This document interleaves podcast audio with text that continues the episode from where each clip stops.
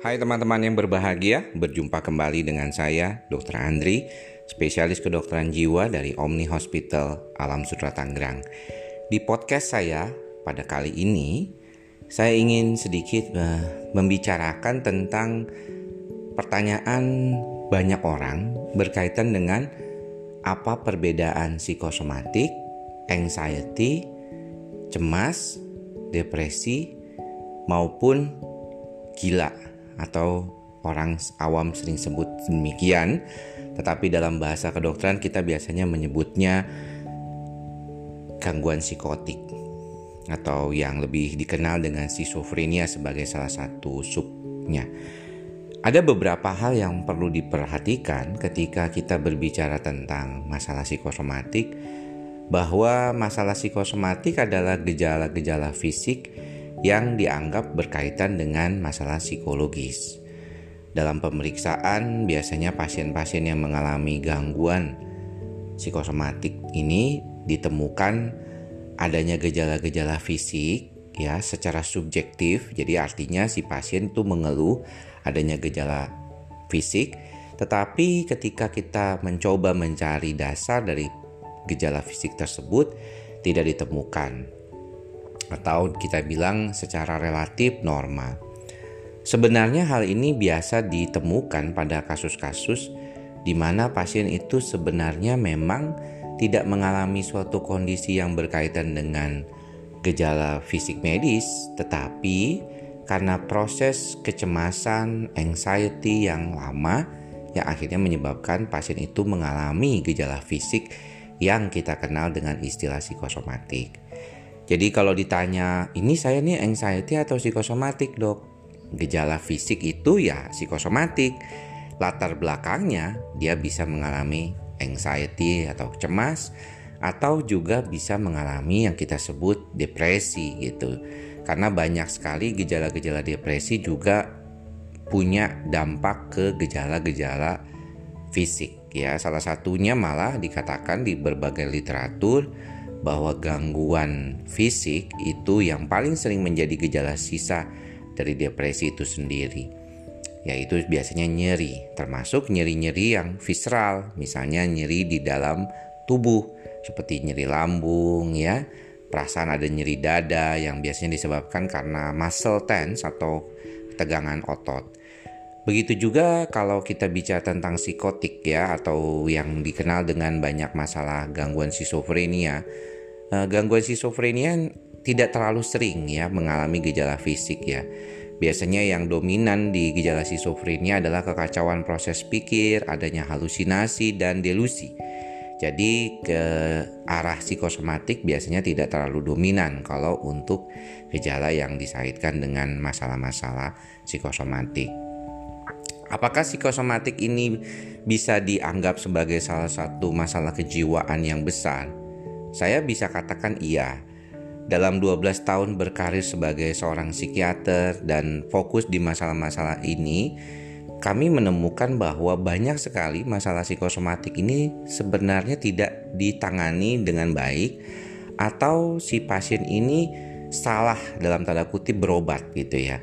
Jadi biasanya karena gejalanya fisik, pasien akan lebih cenderung mengarahkan uh, dirinya untuk berobat ke dokter-dokter fisik. Sedangkan masalahnya banyak di antara mereka ini sebenarnya mengalami masalah yang berkaitan dengan psikologis. Sayangnya memang masalah psikologis terkait dengan psikosomatik ini kebanyakan sudah berlangsung lebih lama daripada yang kita kira. Jadi ketika pasien datang ke dokter jiwa, mereka mengatakan saya rasanya tidak mengalami stres atau saat saya mengalami stres dulu kok nggak terlalu kelihatan gejala ini gitu. Pada saat saya mulai tidak lagi stres malah saya mengalami gejala tersebut.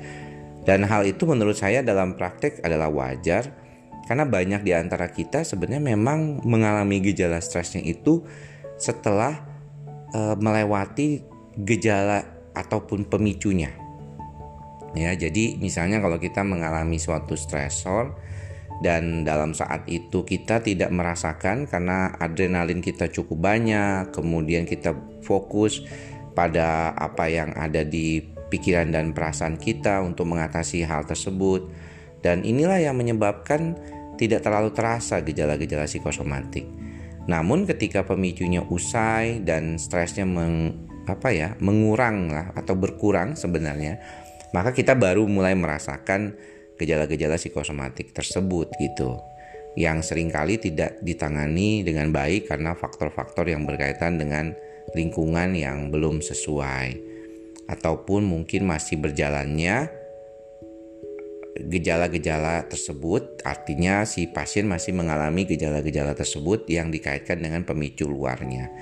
Itulah mengapa dalam kesempatan yang lain nanti kita akan bahas tentang apa saja sebenarnya yang bisa dilakukan untuk mengatasi psikosomatik selain pergi ke dokter jiwa atau psikiater yang akan membantu mengatasi gejala dasarnya.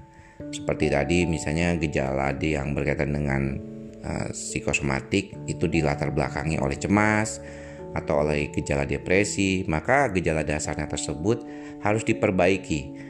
Karena tidak bisa kita memperbaiki uh, psikosomatiknya kalau gejala dasarnya itu tidak diperbaiki karena akan terus-terusan muter seperti itu ya jadi nggak akan beres gitu.